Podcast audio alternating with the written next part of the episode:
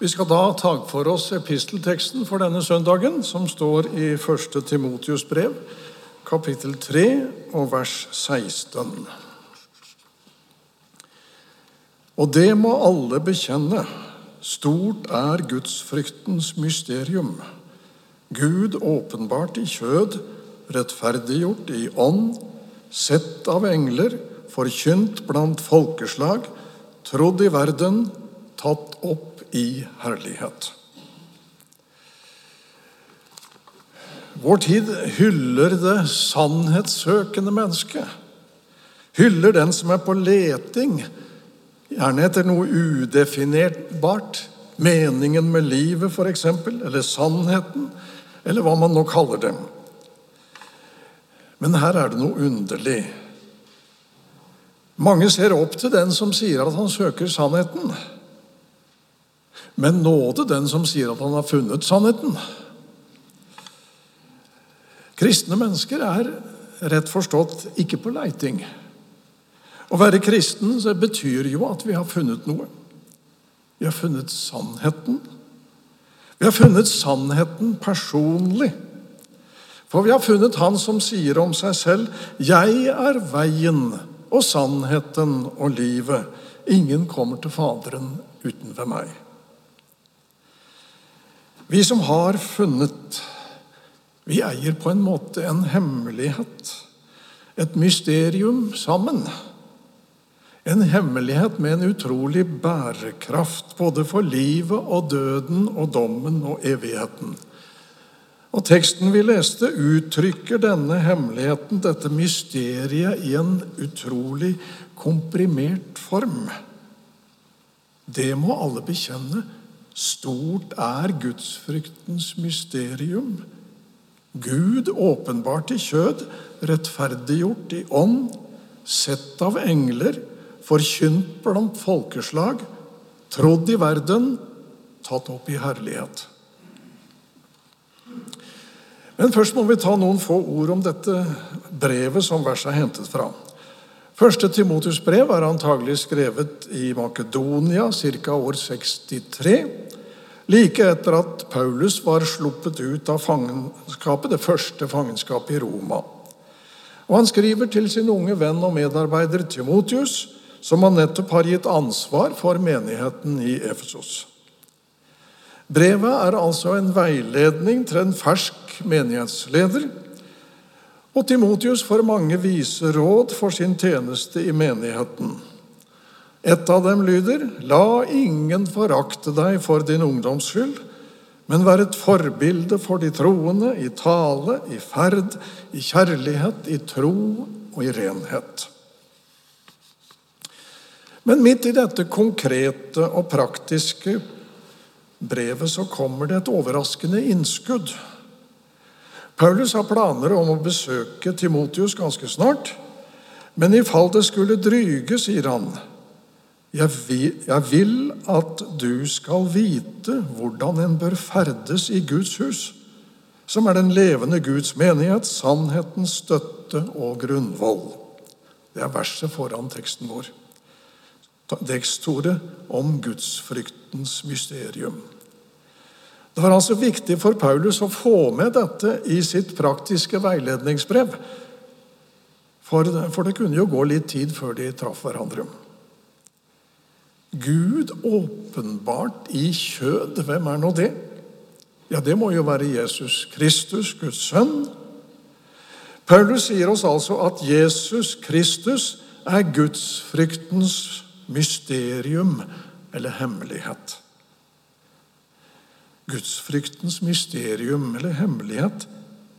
Det er altså ikke en eller annen idé. Nei, det er en person, det er en levende person hva er det så med denne personen, Jesus, som gjør han så betydningsfull, så totalt avgjørende for oss alle?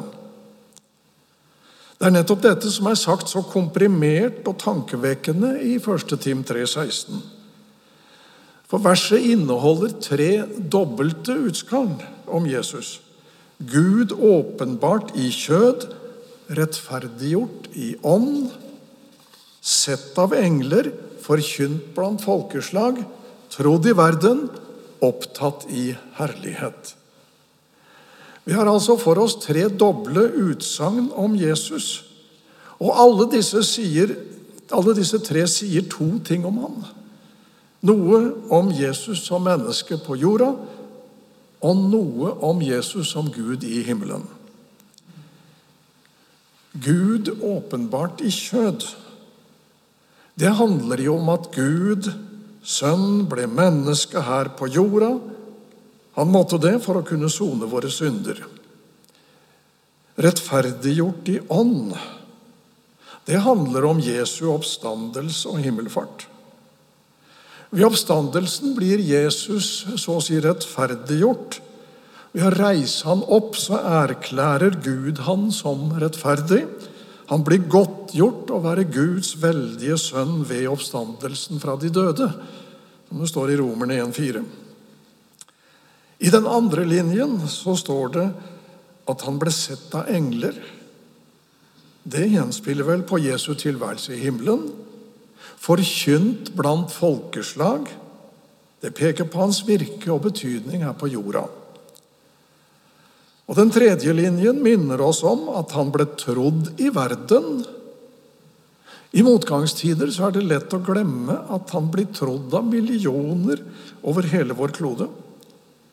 Og Som kristne så kan vi få oppleve hans nærvær her i vår verden og hverdag. Opptatt i herlighet, det minner oss om at han sitter ved Faderens høyre hånd i det høye. Han er tilbake i sin himmelske herlighet. Det som sies om Jesus i himmelen, det forteller at Jesus er Messias og Gud. Han er Guds veldige sønn fra evighet og til evighet. Det som fortelles om Jesus her på jorda, sier oss at den samme personen er et menneske. Et sant menneske født inn i vår verden, der han delte våre kår og fikk kjenne menneskelivet på kroppen. Og han måtte smake døden på sitt verste under Guds vrede og dom. Kristendommens mysterium og hemmelighet det er altså en person som er både Gud og menneske samtidig. Og nettopp dette betyr noe fantastisk. Og det er vel dette Paulus vil lære oss i dag. Jesus er Gud. Derfor er han stor nok til å stille stormen, stor nok til å helbrede sykdom, stor nok til å fange opp og gjøre noe med våre bønner. Men først og fremst er han som Guds sønn stor nok til å sone hele verdens synd og betale all vår gjeld. Jesus er et sant menneske. Derfor er han nær nok til å forstå meg og min hverdag, og nær nok til å høre alle mine bønner, selv de minste sukk. Det var en som sa det. Det er en faglært snekker som sitter ved Faderens høyre hånd. Det forteller oss det er et sant menneske og en sann Gud. La oss bruke et enkelt bilde for å klargjøre det vi nå snakker om. Mange av oss har en eller annen gang henvendt oss i en bank for å sondere muligheten for et eh, stort lån. For å kjøpe hus, kanskje. Og du fikk kontakt med en hyggelig konsulent, og du la fram ditt behov. Men den hyggelige konsulenten han kunne ikke gi noe sikkert svar på om du kunne få så stort et lån. Beklager, sa han, men jeg har nok ikke fullmakt til å avgjøre en slik sak. Da ville du selvfølgelig treffe sjefen. For du skulle så absolutt hatt et kvart, klart svar nå å holde deg til. Og du hadde et påtrengende behov, og du hadde så mange gode argumenter. Men da sa den hyggelige konsulenten nei. Han forklarte at sjefen dessverre er opptatt i en viktig konferanse. Det betyr i klartekst at han er opptatt med en som er viktigere enn deg. Og dermed måtte du gå med uforrettet sak. Dette er ikke noe eget for bankvesenet. Nei, det hører livet og verden til. Han du, sto, du traff, han var ikke stor nok for ditt problem. Og han som ville vært stor nok, han var ikke nær nok. Det vi først og fremst har funnet i kristendommen, det er en levende person som nettopp er både stor nok og nær nok. Jesus er slik fordi han er både Gud og menneske. Det er derfor han kan bli vår frelser. Nå skal vi se litt nærmere på de to sidene. Først det at han er stor nok. Som Guds sønn så er Jesus stor nok for det som er mitt hovedproblem, nemlig min synd imot Gud. Han hadde ingen synd selv. Da han døde på et kors, var det ikke som straff for noe han selv hadde gjort. Han døde som straff for mine synder og dine. Han som ikke visste av synd, har Gud gjort til synd for oss, for at vi i ham skal bli rettferdige for Gud. Det er Paulus som skriver i 2. Korinterbrev. Han som bar våre synder på sitt legeme opp på treet. Der er det vel Peter som har ordet, i 1. Peter 2. Men han ble såret for våre overtredelser, knust for våre misgjerninger. Straffen lå på ham for at vi skulle ha fred, og ved hans sår har vi fått legedom. Vi for alle vill som får, vi vendte oss hver til sin vei. Men Herren lot den skyld som lå på oss alle, ramme ham. Jesaja 53. For så har Gud elsket verden, at han ga sin sønn den enbårne, for at hver den som tror på ham, ikke skal fortapes, men ha evig liv. Tenk at Gud i himmelen, han ville lage en ordning der hans egen sønn tok all den lidelse, dom og straff som du og jeg hadde fortjent. Og Jesus, Guds sønn, tok på seg denne oppgaven frivillig. Han led og døde for å gi oss mulighet for å slippe. Han døde for meg og for oss alle. Dette er jo uforståelig urimelig, utrolig. Men samtidig er det sant. Bibelen forteller jo at Gud i sin nåde vil regne det slik. Og Jesus ville lide i stedet for oss, for å gi oss mulighet til å bli frelst og nå himmel og salighet. Jesus sa det da han ba til sin far kvelden før han skulle korsfestes. Da leser vi Johannes 17, 24. Far, jeg vil at de som du har gitt meg, skal være hos meg der jeg er, for at de skal se min herlighet, som du har gitt meg, fordi du elsket meg før verdens grunnvoll ble lagt. Dersom Jesus bare hadde vært et menneske, da hadde han hatt mer enn nok med seg selv og for Gud. For om oss mennesker sier Gud alle har syndet og mangler Guds herlighet. Men som Guds egen sønn så er han uten synd, og så høyt verdsatt av Gud at hans liv kan gjelde som betaling for alle mennesker. Han er stor nok til det. Han er ren nok til det.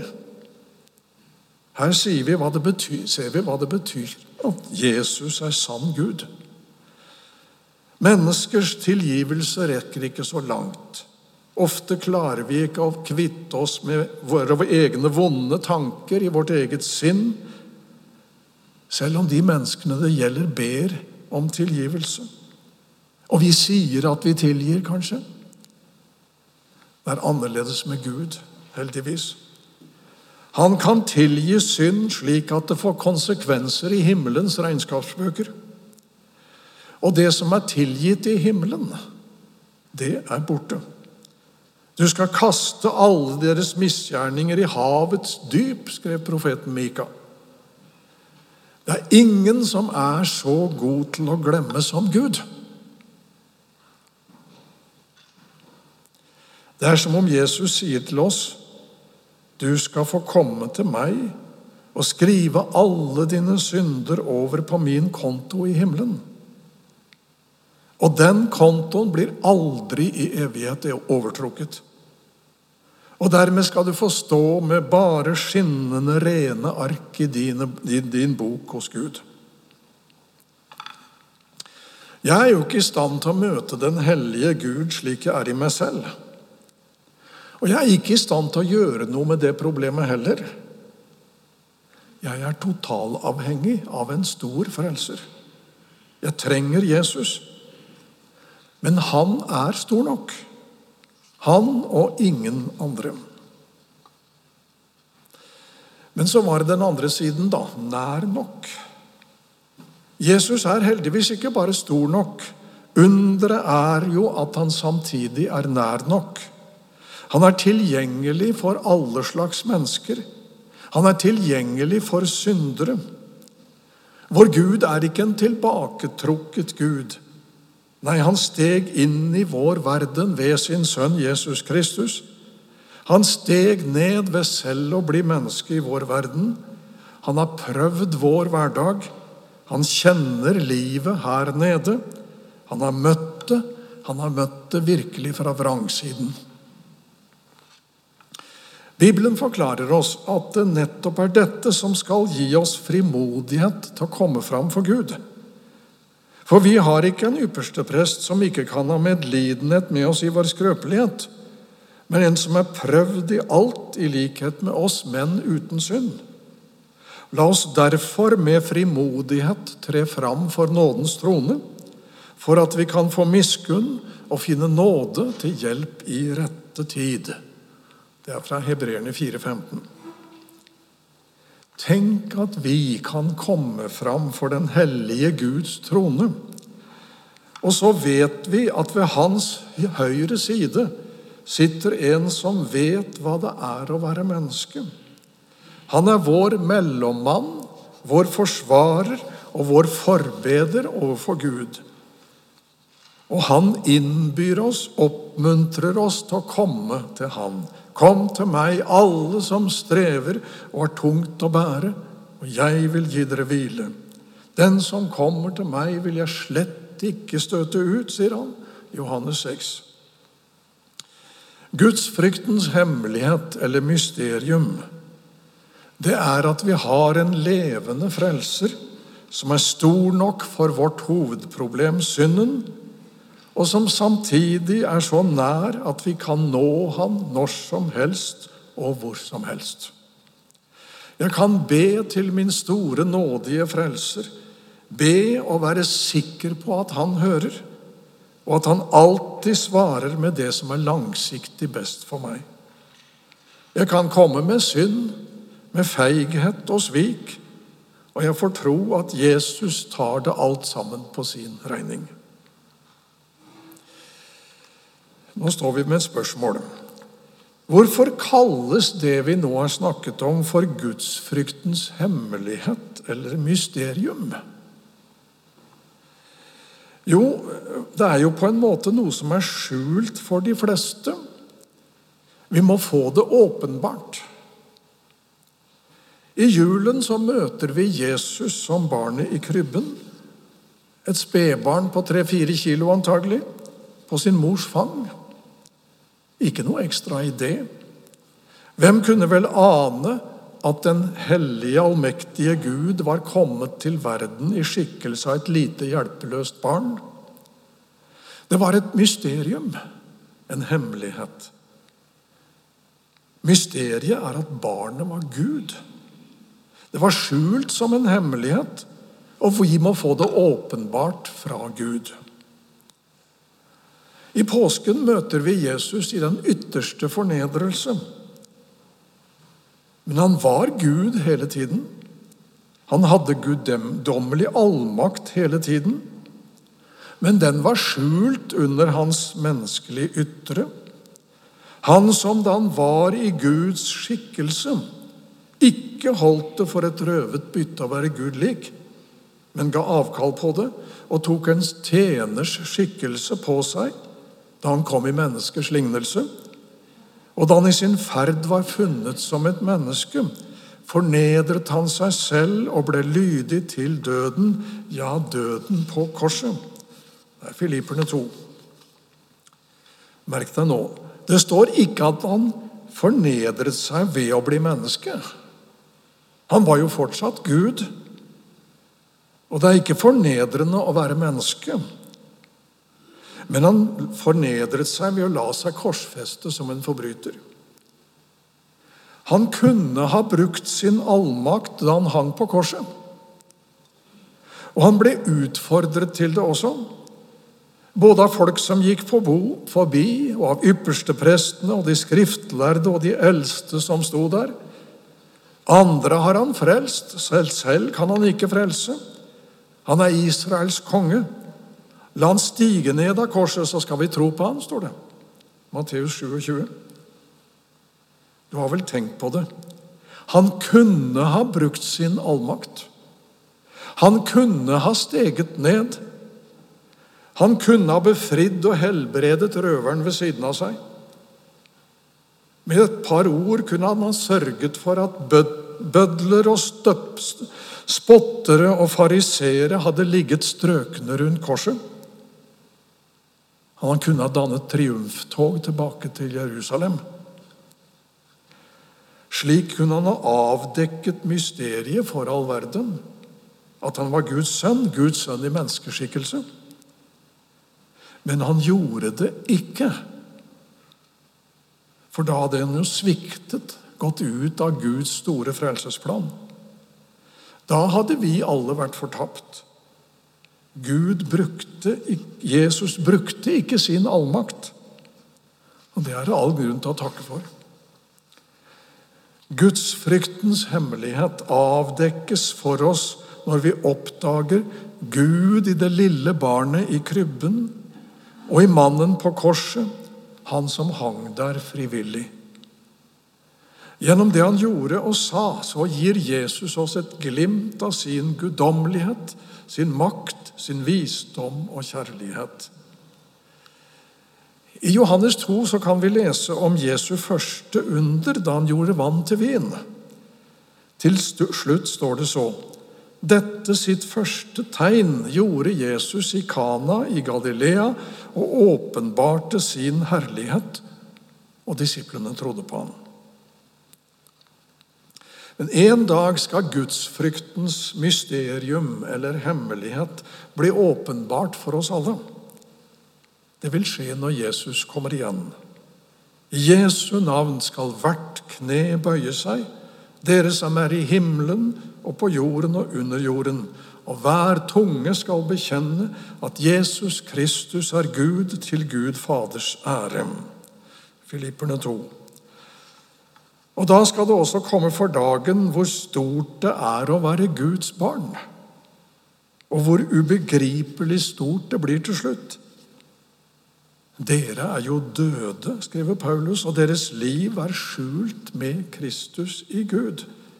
Men når Kristus, vårt liv, åpenbares, da skal også dere åpenbares med ham i herlighet.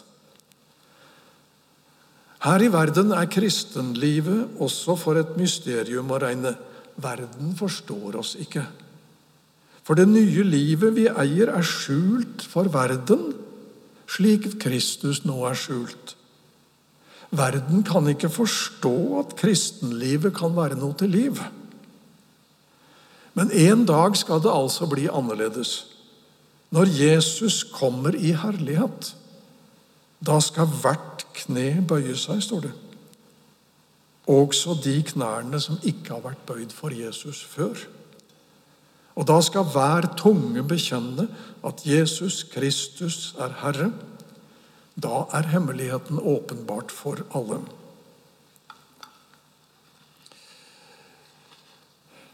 Jeg tror jeg kan gjette en av grunnene til at mange bibeloversettere nå foretrekker å skrive gudsfryktens mysterium i stedet for hemmelighet. Ordet hemmelighet får oss jo til å tenke på noe som vi ikke skal si bort. Noe som vi innvidde skal ha for oss selv. Men slik må vi for all del ikke tenke om gudsfryktens mysterium. For evangeliet er da ikke forbeholdt noen få. Det er jo beregnet på alle.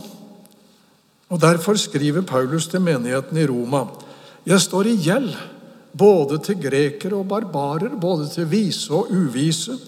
Derfor er jeg for min del rede til å forkynne evangeliet også for dere i Roma. Paulus forsto at han hadde fått del i en ufattelig verdifull nyhet. Noe som var beregnet på alle mennesker. Derfor måtte han være villig til å forkynne, også der hvor det ikke var ufarlig å gjøre det.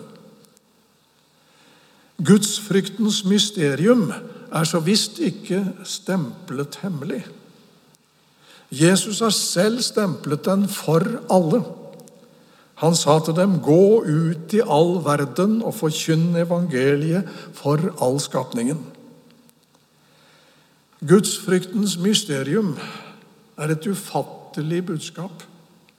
Jesus, Guds egen sønn, kom til jorda som menneske. Han gjorde det for å kunne lide straffen for dine synder, slik at du skulle kunne bli frelst og få dele himmel og evig salighet med ham. Og nå ønsker han bare at du skal ta dette budskapet til hjertet, tro det, leve i det, leve på det og fortelle det videre. Og så vil han at du skal huske din store frelser, denne all, han er aldri langt borte, aldri utilgjengelig. Derfor er en kristen aldri alene, aldri ensom. La oss nå takke og be. Kjære Far i himmelen, vi takker deg for at det vi nå har vært innom, står i Bibelen, så vi skal få tro det. At du, Jesus, du kom for å åpne veien til himmelen for oss. Og Herre Gud, du må hjelpe oss på veien slik at vi når fram. I Jesu navn. Amen.